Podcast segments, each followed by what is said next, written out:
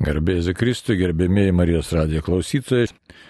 Prie mikrofono aš kunigas Arnas Valkauskas, prie pulto Matas Talkina. Ir šiandien laida Katalikų bažnyčios katekizmo komentaras. Kalbam toliau katekizmo temomis, tikėjimo tiesų temomis. Reikia pabrėžti prieš pradant laidą, kad tikrai kas katekizme išguldyta, kaip sakydavo mūsų senoliai, tas yra iš tikrųjų bažnyčios mokymas tai yra. Ir jį reikia žiūrėti ne tik, kad taip porimčiai ar su smalsumu, bet reikia žiūrėti labai, labai, labai rimtai, nes jeigu mes į pasaulietinius mokslus žiūrim rimtai, tai čia yra visai kiti dalykai, tai kelias, kaip vykdyti Dievo valią ir eiti pas jį. Taigi paprašykim šventosios dvasios malonės, kad tikrai Dievas mus apšviestų, kaip mums tą katekizmą šiandien pamatyti, tą gabalėlį, kurį pasklaidysime, kad tikrai jisai būtų mums naudingas, iškalbingas ir tiesiog nušvistų e, tikrai tokia Dievo malonės šviesa. Vardant Dievo Tėvo ir Sūnaus ir Šventosios Dvasios Amen. Viešpadėvė kreipiamės į tave, ypač mergeliai, švenčiausiai mergeliai Marijai užtariant. Suteik mums dovanų šventosios dvasios reikalingų dovanų, ypač išminties, supratimo, pažinimo, skirimo, tvirtumo ir visų kitų reikalingų dovanų, kur reikia mums čia šiandien gyvenimo kovoje, šioje laidoje, kad tikrai galėtume išvelgti tikėjimo tiesų gelmę, jų grožį, svarbą ir mokėtume teisingai pasirinkti, teisingai apsispręsti. Ir mūsų gyvenimas iš tikrųjų būtų tavo malonės šviesoje visą laiką, kiekvieną dieną. Jėzau to prašome, švenčiausia mergelė Marija ir visiems šventiesiems užtariant. Tau garbė išlovė dabar ir per amžius. Amen. Taigi vėl kalbam, arba dar vis kalbam, ir ačiū Dievui, kad galim kalbėti apie viešpės maldą Tėvę mūsų. Žvelgiame tekstą, analizuojam. Priminsiu, ką jau esam paskaitę, į kokią frazę reikės ypatingai atkreipti dėmesį. Na ir pasižiūrėsim, ką mes toliau galime pasklaidyti, pagalvoti, pamastyti ir pamatyti e, tiek katekizmo tekste, tiek tai, į ką jisai mus nukreipia. Priminsiu, taip skaitėm 2853 numerį, e, kur buvo kalbama apie, apie pergalę prieš šio pasaulio kunigaikštį. Na, porą frazių priminsiu, o paskui dar paskaitysim toliau. Pergalė prieš šio pasaulio kunigaikštį vieną kartą visiems laikams buvo pasiekta ta valanda, kurie Jėzus laisvai sutiko mirti, kad mums atiduotų savo gyvybę. Tai šio pasaulio teismas ir šio pasaulio kunigaikštis yra išmetamas laukan. Jis puolė persekyti moterį, bet jos neįveikė. Naujoji Jėva šventosios dvasios malonės pilnoji buvo apsaugota nuo nuodėmės ir mirties sunaikinimo. Tai švenčiausios Dievo motinos visuomet mergelės nekaltasis prasidėjimas ir ėmimas į dangų. Tai aktualu mums ir šiom dienom ypatingai. Ir inirtos libinas prieš moterį ir metėsi kauti su kitais jos palikonimis. Dėl to dvasia ir bažnyčia meldžia ateik viešpatį Jėzau, nes jo ateimas mus išgelbės nuo piktojo. Tai matom šitą numerėlį, dar šiek tiek kitą numerėlio pradžią paskaitysiu. Ir galėsim tada pagalvoti, kai, ką mes čia galim išgirsti ir pritaikyti savo. Taigi 1854 numeris taip kalba. Prašydami išgelbėti mūsų nuo piktojo, mes taip pat melžiame išvaduoti iš visokio esamo, buvusio ir būsimo blogio, kurio kuriejas ir kurstytojas yra piktasis. Tuo paskutiniu prašymu bažnyčia atneša tėvo akivaizdon viso pasaulio skurdą.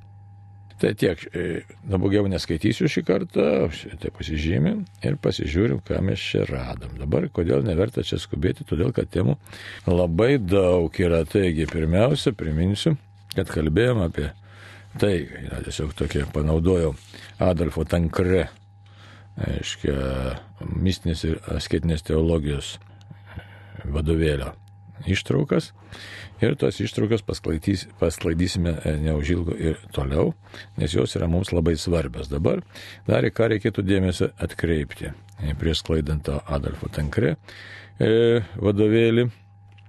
Dabar žiūrėkit, kas yra svarbu, ką reikia mums ypatingai įsigilinti. Štai, kad piktoji dvasia neįveikė, neįveikė Jėvos, naujosios Jėvos, kuri buvo apsaugota nuo monodėmis ir mirties sunaikinimo. Tai neįveikti, tai neįveikė. nors mums kartais gyvenime taip ir netrodo. Taigi, toks yra dalykas labai įdomus, kad štai e, nuolatinis konfliktas ir jis egzistuoja visą laiką žmonijos istorijoje, bažnyčios istorijoje ir gyvenime. Mes dabar paskaitę šitą tekstą galėtume sakyti, tai štai Jėzus mirė, prisikėlė, laimėjo ir kokios čia dabar toliau kovos. Jau apie tą kalbėjome, ne apie tą tokį e, skirtingus polius, kad štai kažkas tai sako, kad e, piktoji dvasia ir veikti nebegali, o kažkas pernelyg ją sureikšmina. Tai štai dabar matom, kita vertus, apreiškimo knyga mums e, pateikiama, apreiškimo 12 skyrius 13 eilutė, kad štai e, pasaulio kunigaikštis puolė persekioti moterį. Tai yra bažnyčia iš tikrųjų. Ir štai Inirtos Libinas prieš moterį metėsi kauti su kitais jos palikuonėmis, apreiškimo 12-17 eilutė. Ir dabar išgelbėjimas yra tik tai viešpatyje Jėzuje. Mes matom, kad štai tas e, pasipriešinimas egzistuoja. Ir galėtume net ir savotiškai teisėtai klausti, kodėl taip yra. Kodėl leidžia mums dalyvauti tokioje sunkioje kovoje. Ir neretai netgi atrodo, kad e, bažnyčia, jos nariai pralaimi. Dabar galim pasižiūrėti istoriją, na, tiesiog istorijos plotmėje. Paskaičiuoti, net ir galime, net ir su matu kartus jaunas žmogus, tai ką jisai iš savo bokšto, aš iš savo, grinai istorinių pobūdžių, žiūrėkit. Kiek neapykantos buvo bažnyčiai, net šitam visai nesename istorinėme laike. E, jeigu paimsime spalio šitą socialistinę revoliuciją, greunamos cerkvės, bažnyčios kunigai žudomi, naikinami, siunčiami lagerius ir taip toliau. Šitą mes gerai pažįstam. Paskui visas tas sovietinis laikotarpis, vėlgi tikėjimas varžomas. E, dabar, jeigu imti nacistinę Vokietiją, nacijai sukūrė savo tikėjimą, tikėjosi būti antžmogiais ir jiem krikščionybė labai trukdė. Taigi jie Vėlgi persekio kunigus, vienuolius, tikinčiosius ir grūdo ką į lagerius, ką šaudė. E, kiek dabar prisimenu istoriškai, man atrodo, apie 3000 kunigų sunaikinta lageriuose nacijų. Tai apie kunigus kalbame, apie tikinčiuosius, taip sakyti, jau ten minios. Tai toliau. E, apsidavėm toliau, toliau geografinę e, plotmę persikelkime į Meksiką, ne, kažkur 1926 metai, man atrodo, Meksikoje. Prasideda krikščionių persikėjimas, filmai gražus yra sukurti apie tai, kaip, kaip tikintieji priešinosi, kaip jie saugojo, aiškiai, savo tikėjimą, kaip net su ginklu kovėsi, kad, kad galėtų apginti bažnyčią kaip kunigai buvo persekiojami, faktiškai buvo beveik išnaikinti, kaip viena ta paskutinių kunigų, e, norėdami sunaikinti tikėjimą net iš užsienio, iš Amerikos atsiviliojo jau tie, nu, sakykime, raudonieji bolševikojantis asmenys. Toliau Ispanijai, e, vėlgi, ten ta revoliucija, kur paskui generolas Franko vėl į kitą kraštutinumą gesino revoliuciją panašiai tokiais irgi metodais kaip ir tie revoliucionieriai. Toliau persikėlėm Kiniją. Kinijai po šiai dienai žmonės yra e, krikščionis ir katalikai ir nekatalikai kalinami, persikėmi. Vatikanas nežino, ką daryti, kaip su jais susitarti, ne, kad nesikištų į viskupų skirimus, kad nesikištų ten į, į tikinčiųjų gyvenimą, iki tokių absurdų prieina Kinijos valdžia, kad liepia kabinti komunistinių partijos vadovų paveikslus bažnyčiose ir, ir panašiai. Tai Dabar galim prisiminti Kambodžią, Kampučiją, ten, kur ten tie žmonės buvo žudomi ir taip toliau. Taigi mes matom, kad vyksta tokia brutaliai kova. O kur dar tokia nebrutali, ta prasme, užmaskuota kova, tokia ne, ne ginklo kova, bet kitokia kova, tai yra ideologijų kova. Tai e, tos ideologijos, tiesiog visos irgi daugiau ar mažiau būna nukreiptos prieš bažnyčios. Kartais labai gražiai atrodo, dabar sakysime ir tą globalizmo ideologiją. Ir, e, taigi mums pateikia pasaulį kaip tokį brolišką pasaulį, galimai brolišką. Jame visiems užtektų vietos, išskyrus tiems, kurie išpažįsta Jėzų ir kurie sako, štai nevalia, nevalia gyventi e, ten nesusitokus, nevalia daryti abortų, nevalia vienalytę santokas įteisinti ir taip toliau, taip toliau. Žinoma, kitaip tariant, vertybiniu pagrindu, aišku, pasirodo, kad mes esame nepakenčiami. Ir, aišku, labai nemažai įtampų kyla. Kas iš pačių mūsų krikščionių, katalikų, ima nebesusigaudyti, kas yra iš tikrųjų, apie tai irgi dar galėsime pakalbėti. Tai štai. Bet pirmiausia, pirmas punktas, kad reikia įvardinti, kad kova vyksta ir e, nors Jėzaus pergalė yra įvykusi, bet mes, bažnyčios nariai, išliekame toliau būtent kovos laukia. Ir tas kovos laukas labai įvairus. Mes galim kalbėti apie, na, tokį tiesioginį tą persekėjimą ir smurtą, apie psichologinį galim e, smurtą kalbėti, apie ekonominį smurtą, nu, prievartą, depre, tokią spaudimą, tokį e, tiesiog e, įtaką Žiūrėkit, net ir mokesčių sistema, net ir pas mus čia dabar Lietuvoje irgi. Aiškiai, bažnyčios prilyginamas, pavyzdžiui, yra industriniam elementui. Tai yra, mesgi nieko negaminam, bet už elektrą reikia mokėti, e, kaip ir tarybiniais laikais, kaip įmonė įsivaizduoti. Tai aiškiai, tai ne kaip gyventojams, bet kaip įmonė. Kodėl taip yra? Ne? Tai kodėl, kodėl religinė bendruomenė yra prilyginama sakysim, tiem, kurie kažką tai gamina. Tai jeigu aš neteisus, tai prašom pataisyti, bet kiek žinau, taip yra. Tai yra taip, kad mes išliekam kovos laukia visokiojopam, e, dar yra kitoks, dar psichologinio tokio spaudimo laukas, dabar žiūrėkit, kaip e, jis tiesiog visą laiką, visą laiką išlieka. E, ir išpažinti viešai, kad aš esu tikintis, kad aš galiu persižegnot, laiminti savo arti vaikus, savo namus, maistą, einu iš pažinties viešai, tie, tie tokia laikysena, jinai, na, nėra labai e, populiari ir švelniai pasakius. Ne? Ir žmogus turi turėti tam tikrą tvirtumą ir už tiesiog tau savo e, apsisprendimą labai tvirtą būti bažnyčios nariu. Tai štai, Slibinas Inirto sako prieš moterį ir metėsi kauti su kitais jos palikonėmis. Taigi ir išgelbimas viešpatyje Jėzuje Kristuje. Čia labai svarbus dalykas pasakytas, kad e, dvasia ir bažnyčia meldžia ateik viešpati Jėzų, nes jo ateimas išgelbės mus nuo piktojo. Tai čia labai toks savotiškas dalykas. Jėzus tikrai yra mūsų tarpe, tikrai yra, bet galutinė pergalė bus tada, kai viešpats Jėzus pasakys, kad štai aš tikrai nugalėjau ir ateis savo garbė ir šloviai ir pasibaigs jau šito, šito pasaulio laikas. Laike Jėzus parodys savo, tiksliau laikų pabaigoje, e, parodys savo pergalę. Tai dabar e, norėčiau dar jums Adolfo Tankre tokių minčių paskleisti ir parodyti, kokią prasme turi šita mūsų kova. Nes labai dažnai iškyla žmonėms prasmės klausimas. Labai dažnai. Kodėl būtent šitaip yra, jeigu štai viešpats Jėzus nugalėjo, štai komunijos mes einam, stengiamės, O visą laiką atrodytų, kad kaip Sizifo mytas, kad turim rysti akmenį į kalną ir, ir tas akmuo liktai rinmus vos nesutraiško rytasi atgal, taip lyg prieš kokią tai srovę eitume.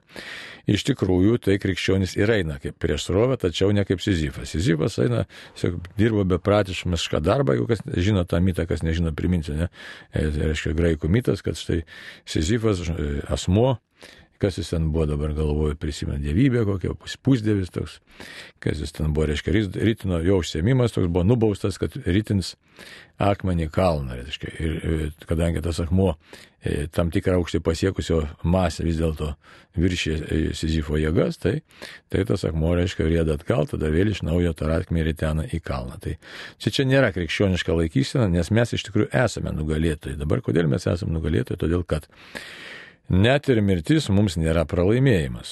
Net ir mirtis, įsivaizduot, mums nėra pralaimėjimas. Net ir pergalė tariama pergalė visų šitų siautėjančių, e, na, tų tikėjimą puolančių, naikinančių, šaudančių į lagerius, grūdančių ir taip toliau.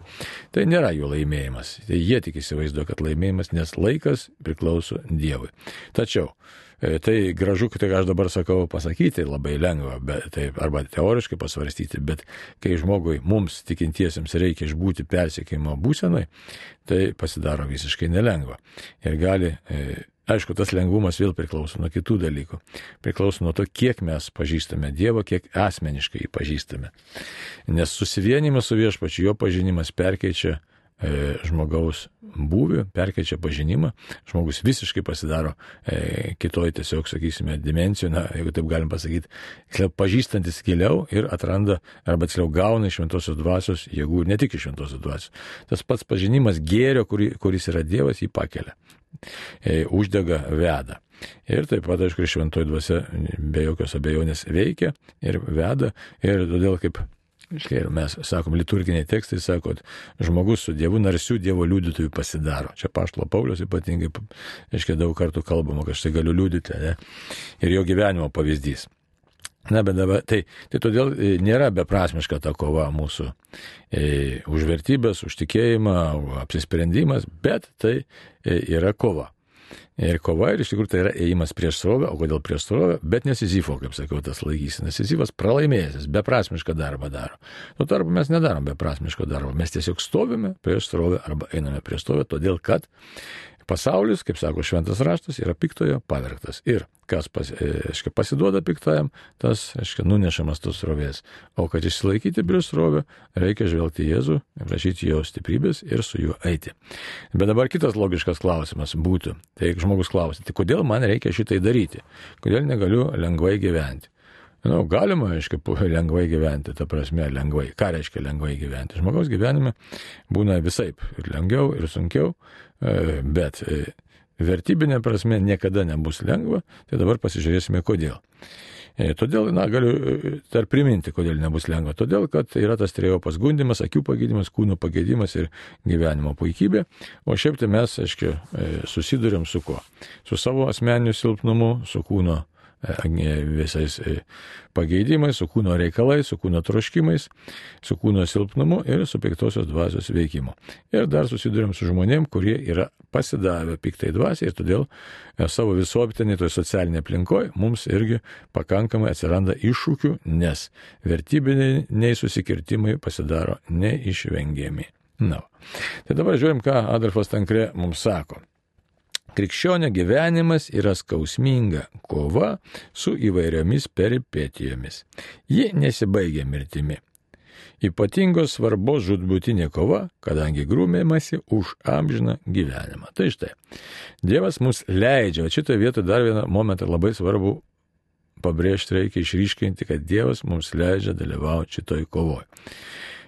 Čia mes susidurėm su išganimo paslėpiniu, ir daugelįpę prasme. Dievas leido ir tiesiog net neleido, bet atsiuntė savo sūnų į šį pasaulį, kad jis taip pat dalyvautų šitoj kovoje ir nugalėtų. Ne? Avinėlis nugalėjo. Ir dabar Dievas mus taip pagerbė, kad mes, būdami bažnyčios, tai yra Kristaus kūno nariai, panaudotume teisingai savo laisvę, savo asmeninę laisvę ir įsijungtume į šitą žudbutinę kovą už savo sielas. O sielos apdovanojimas, koks matai apdovanojimas sielos yra? Gal amžinasis gyvenimas? Nesigirdi, iškai mes, mes turim problemą šiandien techninę, tai tiek to.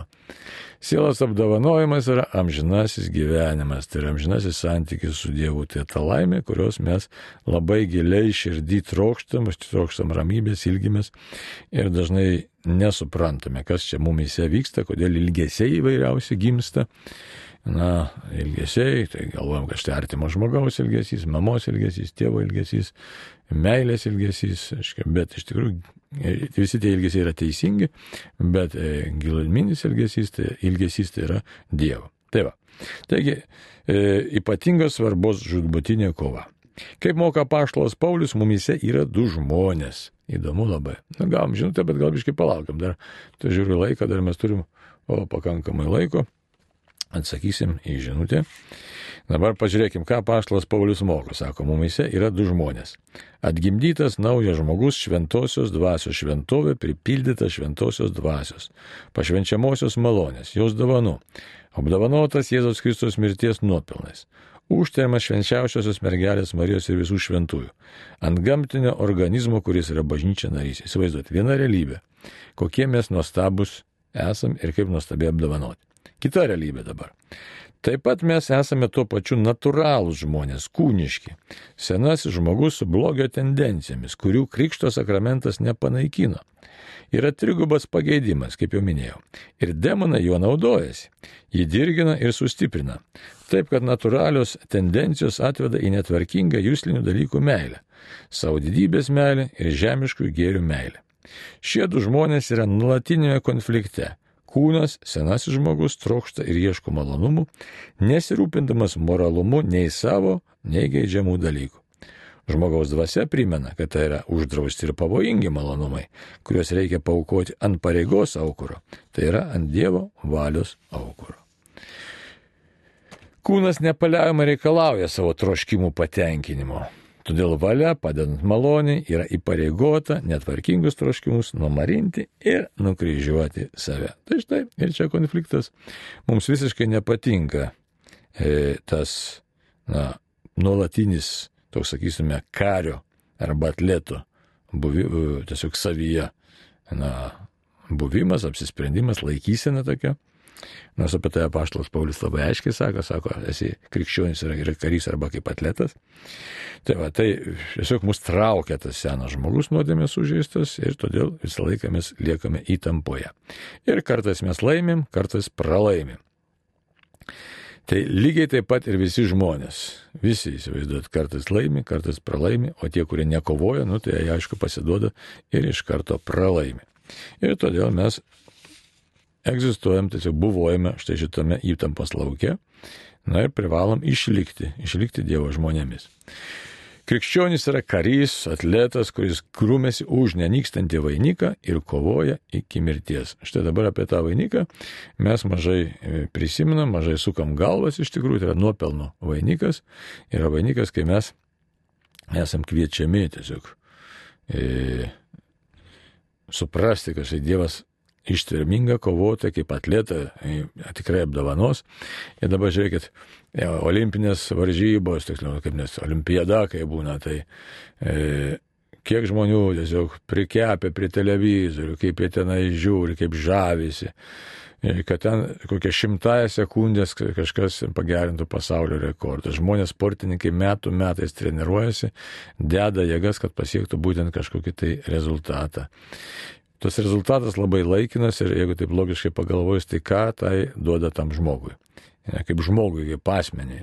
Dabar ar jums, brangiai klausytojai, ar tavo matai, ar man labai svarbu, ar aš prabėgsiu ten kilometrą per penkias minutės, ar per tris, ar per dvi, ar per, per šešias. Nu, nu, fizinio testus laikant, tai taip, nu, tai kariuomeniai svarbu, ten dar kažkas svarbu, bet svarbu tiek, kad tu nu, būtum pakankamam tam tokiam pasirengimo lygmenį ir kad galėtum įvykdyti tau patikėtus uždavinius, bet ne dėl to, kad tu čia labai greit nubėgtum. Tai va, žmonės deda daug pastangų e, įvairiuose sferose, ar ne tik čia, bet ir žaidimuose kitokie panašiai, bet tai neturi jokio E, sąlyčio ir jokios prasmės, kalbant apie žmogaus asmens įsiskleidimą, na ir jo labiau apie amžiną gyvenimą. Tai štai.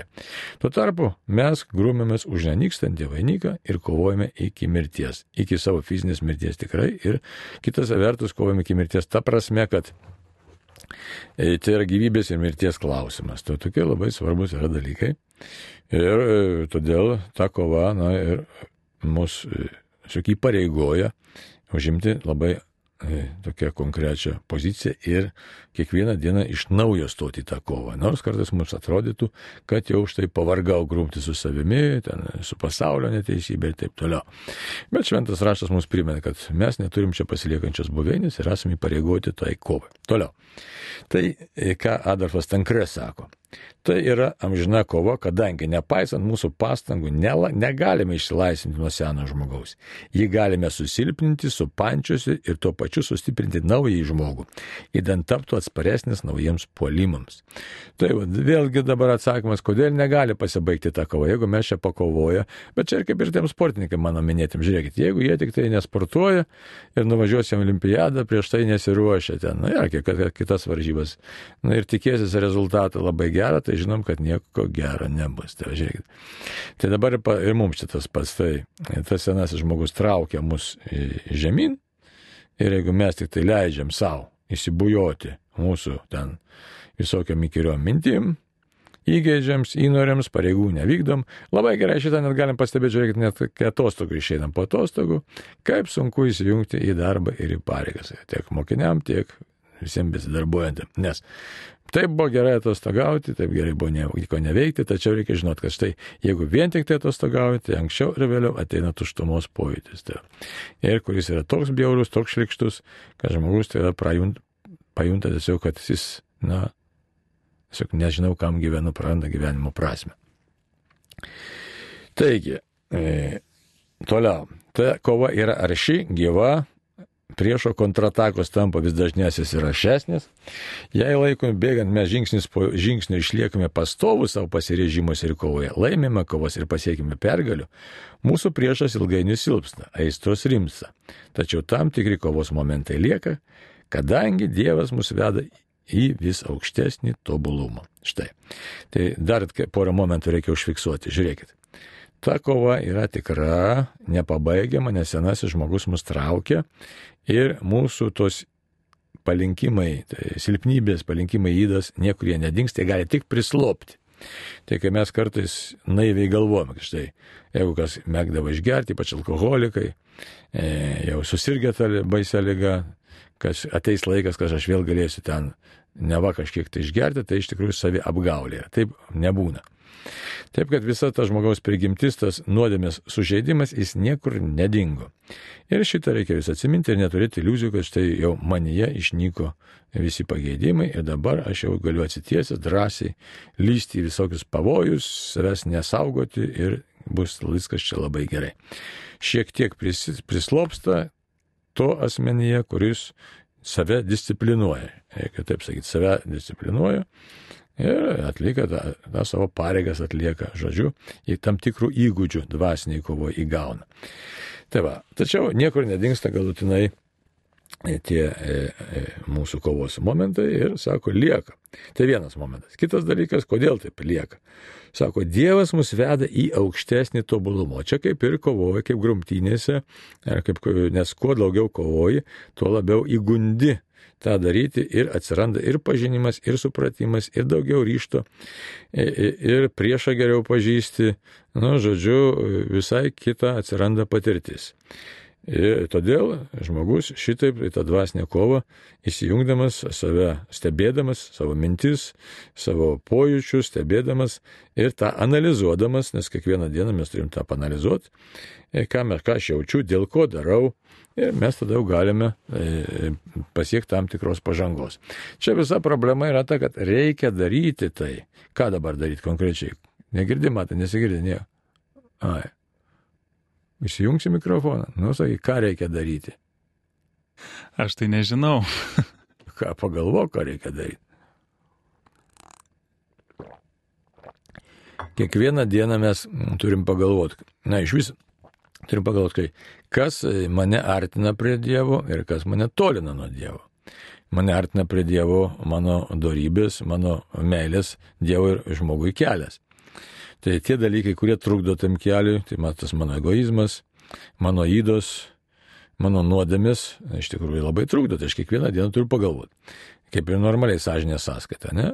E, bet ne tik čia, ką sąžinė sąskaita, čia reiktų giliau, iš tikrųjų, gilesnis dalykas, ką aš jaučiau, ką galvojau, kokios mano mintis ir neišsigasti, kad toj galveliai įvairiausių, ar mano kūnė įvairiausių pojūčių, potyrių, e, prielankumų, prieštaravimų, visa, visa gama yra įvairiausių dalykų kurie gali mane ir išgazinti, kai pamatysiu, koks esu netobulas, kas čia dedasi ir mano galvoje, ir mano širdį, ir mano fiziniam kūne.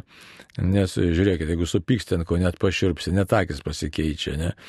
E, ten kokia nors e, pavydas užeina vėl, vis žmogus vos susivaldo, tapa, užeina kokia nors gašlybė vėl. Ir taip visą dieną, ir kiekvieną dieną tie dalykai vyksta. Žiūrėkit, kiek yra mumise Jo, tokio ne, ir neapykantėlė, ir prieštaravimas, ir pataikavimas. E, tai yra net nėra tiesos sakymo, nutilėjimų labai daug. Ne? E, nes tarp artimiausių žmonių, žmona ir vyras, kiek vienas nuo kito net neišsako, kartais ir nemoka net išsakyti, net gražių jausmų nemoka išsakyti, įsivaizduot. Aš nežinau, kaip ten matai tavo šeimoje, bet, bet man teko labai daug šeimų sutikti, kai žmonės nemoka net gražių dalykų pasakyti, o kai jau supyksta, tai tada viskas, nu tai vėl tada negražius tos dalykus, supykčius, tai vėlgi tada jį vėl kai koks labai grūbų apvalka. O kodėl tai yra? Todėl, kad aš nežinau, kas dedasi mano širdyje ir nesu savęs stebėjęs ir, ir, ir, ir paskui žmogus nustemba, kaip čia taip aš galėjau taip padaryti ir taip toliau. Tai va, tai va, taip tas aukštesnis tobulumas nėra lengvai pasiekiamas, kaip mes įsivaizduojam, tai yra nuolatinis darbas e, su savimi, bet kai mes išgirstam tą frazę, dirbk su savimi, tai mes nieko iš tikrųjų, jeigu ne, tuščia frazė iš tikrųjų. Jeigu, jeigu toks lozungas yra, jeigu nesupranti, kaip tą daryti, ką tai reiškia, tai yra pastoviai stebėti. E, ką reiškia stebėti? Pavyzdžiui, ne? važiuoju ir kažkas prieš mane labai lietai važiuoja. Nu, koks pojūtis kyla? Pyktis, dažniausiai nori bumbėt, bumbėt. E, dabar susierzinimas. Nu ir ką tas susierzinimas man duoda? Neramybė tokia duoda dažniausiai. Nu. O koks požiūris į tą žmogų? Tikrai ne kaip į artimą, kaip į priešą, kaip į, į blogį. Ir e, žiūrėkit, dabar tas yra labai įdomus dalykas, aš čia. Tas susierzinimas, jisai niekur nedingsta, aš toks sudirgis, važiuoju toliau. Taigi tas žmogus užkyšo, pavyzdžiui, kas vairuoja, net jį labai gerai žino, čia visiems ta bėda. Vėl susierzinimas, paskui dar koks trečias susierzinimas ir aš atvažiuoju savo, iš savo punkto A į punktą B, jau būdamas susierzinęs. Išlipa, išlipi savo kiemę, o ten išeina žmona, sakysi mane, su vaikais, vaikas rėkia, e, išsitepęs, įsimurzinęs, pavyzdžiui, ne, na, žmona kažką ten dar pasako ir kur tas susierzinimas išsilieja, ir tada apie kokią artimo meilę kalbėti, matot. Ir jeigu aš save stebėčiau pastoviai ir sakyčiau, nu, Arnoldai, aš taip ir darau iš tikrųjų, ar, ar matai, nu, nereikia, nu, erzina, nu, ką darysi, pašvenčiu šitą situaciją tau, Jėzu. Nu, tiesiog tu viską žinai, nu, negaliu paskubėti dabar, paskubėsiu, nu, gal ir nereikia skubėti. Bet čia yra kova, supratai, čia toks pavyzdėlis, tik vienas menkas pavyzdėlis. Tai jisai visur, visur veikia, tai taip, kad štai tas aukštesnis tobulumas Dievas leidžia mums pamatyti viską, tiesiog ieškoti ramybės kelių. Tai Toliau. Galima pasidžiaugti pergalių atveju tik relatyvė ramybė, įsivaizduoti, tik relatyvė ramybė. Galutinės pergalės ženklais arba lyštelėjimų tų ženklų. Tai ženklai pergalės. Ne? Turime pasitikėti Dievo malonę, tačiau neužmiršti, kad malonė suteikiama kovai, o ne poilsiui. Tai štai iš tikrųjų krikščionis gauna, gauna malonę, bet ne tą malonę gaudama, aišku, gerai palisėti labai malonu ir visiems malonu, tai, bet gauna kovą ir tolimesnė kova turi vykti. Turime kovoti anot Švento Paulius, kol gausime nevystantį vainiką. Antras laiškas e, Timotėjo paštalo Paulius, ketvirtas skyrius, 7-8 eilutės. Tokia citata. Iškovojau gerą kovą, baigiau bėgimą, išlaikiau tikėjimą. Todėl manęs laukia teisumo vainikas, kurį vieną dieną man atiduos viešpas teisingasis teisėjas ir ne tik man, bet ir visiems, kurie su meilė laukia jo pasirodant. Matot, tos kovos pagrindas yra noras susitikti su viešpačiu Jėzumi Kristumi. Noras, troškimas, net noras per menka žodis. Dabar troškimas kodėl? Todėl, kad tik tai Jėzus įsprendžia visas problemas gyvenimo problemas. Tai vienas dalykas, čia jau toks savanaudiškas motyvas, bet iš tikrųjų tai dar turėtų būti troškimas susijungti, susivienyti su Jėzumi už tai, kad jis mane myli be galo. Tai, taip, kad e, e, čia labai e, mums visiems turėtų rūpėti e, tas e, santykis su viešpačiu Jėzumi, bandyti tiesiog atsakyti į, į tą santykį ir supras, kad visi mano tie kovos elementai, net ir tokių menkų, kaip sakau, vairuojant ir panašiai, bet jie turi prasme, nes niekas suteptas Dievo neregės. Tai taip, kad tas mano bandymas būti tokiu meilės keliu einančių be, be tų tokių mane draskančių aistrų, įdų, nes, pažiūrėjau, tas susierzimas tai yra aistra pykčio įstra. Tai, tai taip, kad e, turiu su to kovoti, kad galėčiau tikrai ateiti su viešpačiu Jėzumi susitikti. Dabar ar išeis tą žinutę paskaityti ar ne? Išeis. Gerai. Klausytojas e, rašo apie tikėjimo svarbą išganimui. Klausimas taip skamba. Vis minimas samarietis artimo meilės pavyzdys. Ar netom Dievas parodė, kad meilė ir padarumas daro žmo, e, žmonių santyki progresyvų, nesvarbu, ar gerą darantis yra tikintis. O jūsų laidose žinia, kad e, tik tikintis gali būti padorus ir išganytas. Ar tai ne puikybė? Taip, yra įdomus dalykai šitoje vietoje, kai mes žiūrėsim visus bažnyčios tėvų raštus ir, ir, ir e, šitą, ir e, kaip tą dikumų tėvų. Išgana mus negeri darbai, reiškia geras darbas yra atliepas į šitą, į Dievo meilės pažinimą. Tai todėl čia yra toks labai svarstytinas ir momentas. E, taip, kad jeigu mes galvotume, kad vien tikėjimas ne, išgelbė, tai čia kaip liuteris būtume, gali daryti, ką nori ir, e, aiškiai, gerų darbų nereikia. Jeigu mes pasiremtume tik gerais darbais be tikėjimo, mes būtume kaip žydai. kurie sakė, tai izraelitė nuo laiko, kad štai aš darysiu gerus darbus, o man santykis su Dievu nerūpi. O reikia žinot, kad vis dėlto pirmoji vietoje yra santykis su Dievu. Čia apie puikybę nėra ko, čia yra Dievo kalbėjimas, nes būtent atvirkščiai yra puikybė. Aš darais darbais išgelbėsiu savo sielą. Jėzus nekvestionavo santykio su Dievu, bet jo paklausė, reiškia, iš tikrųjų, ko paklausė, galim pažiūrėti Evangeliją, ne? E, kas yra mano artimas? Ten buvo toks klausimas. Ten nebuvo klausimas, kaip man būti išganyta. Man, kas yra mano artimas? Jis Jėzus atsako, ėjo levitas, ėjo kunigas, jie ten į tarnybą ėjo, nenorėjo susiteršti iš tikrųjų. Ir ta prasme prisiliesdami prie svetimų žaizdų, tai jie praėjo, apsimetė, kad nieko nevyksta ir kas nors tik rūpinasi. Tai, va, tai dabar, jeigu kiekvienas žmogus yra mano artimas, bet aš turiu žinot, kad štai aš būdamas krikščionis, privalau atsiliepti į meilės troškimą, todėl, kad aš esu tam kviečiamas paties Jėzaus laikysenos. Jeigu aš tik savaime darysiu filantropinius gerus darbus, tai aš tada nubraukiu santykių su Dievu. Ir e, yra skirtumas už tai didžiulis. Sakysim, žmogus, ir taip ir yra, latras ant kryžiaus. Kokių jis gerų darbų padarė? Nors vieną, kas nors gali pasakyti. Nėra, jis nepadarė nei vieno gero darbo. Nu gal ten, bet jis buvo plėšikas ir romėnai, romėnų teisėjai nuteisė mirti e, pačia žiauriausia bausmė tuo metu, todėl kad jis buvo niekdarys. E, tai va, romėnai šiaip škai, apsvarstydavo, nu žinom, kad teisė buvo pas juos aukštumoje. Tai štai nuteisė tą žmogų ir, aišku, jį prikala prie kryžiaus, kadangi jisai buvo niekšas. Ir ką jam Jėzus pasako, dar šiandien su manimi būsi rojuje. Tai pirmas oficialus šventasis, jeigu taip paėmus. Taip skaitosi. Tai. tai, va. tai dabar jis nieko nepadarė, bet įtikėjo Jėzų ir išpažino, kad per Jėzų mes ateiname į dangaus karalystę. Ir kito kelio nėra. Tai todėl čia reikia neapsigauti. Iškai, čia ir reikia nebijoti pasakyti, iškai, nes mūsų pasaulis, mūsų tik, tikintieji ėmė pataikauti pasaulio dvasiai. Drąsiai reikia žinot. Taip, Be Jėzus, be krikščionybės nėra išganimo. Tai Jėzus pasakė, jūs esate pasaulio šviesa, jūs esate žemės druska pasaulio šviesa, tai tikintieji. Ir tai būtent Jėzaus išpažinimas yra tikroji tiesa, nes tai pats Dievas prabyla žmogui. O visa kita tai yra žmonių kūryba, tai net ir geri darbai, mes matot, ne visi geri darbai yra iš tikrųjų geri darbai, visi čia reiškia, galima kalbėti ir skirimo dovanos reikia, kas yra geri darbai ir, ir kada jie yra geri tie darbai. Tai, sakysim, dabar kas nors sugalvotų man pagal, pa, man, dabar aš gyvenu visai, nu, gyvenu taip, padovanot lėktuvą. Geras darbas ar ne? Nu, tai man nei man jo reikia, nei ką supranti. Nu, tai, tai, va, tai toks beprasmis visiškai dalykas. Tai va. Taip, kad šitoje vietoje už tai reikia e, pasižiūrėti visiškai iš e, kito, iš amžinybės perspektyvos taško.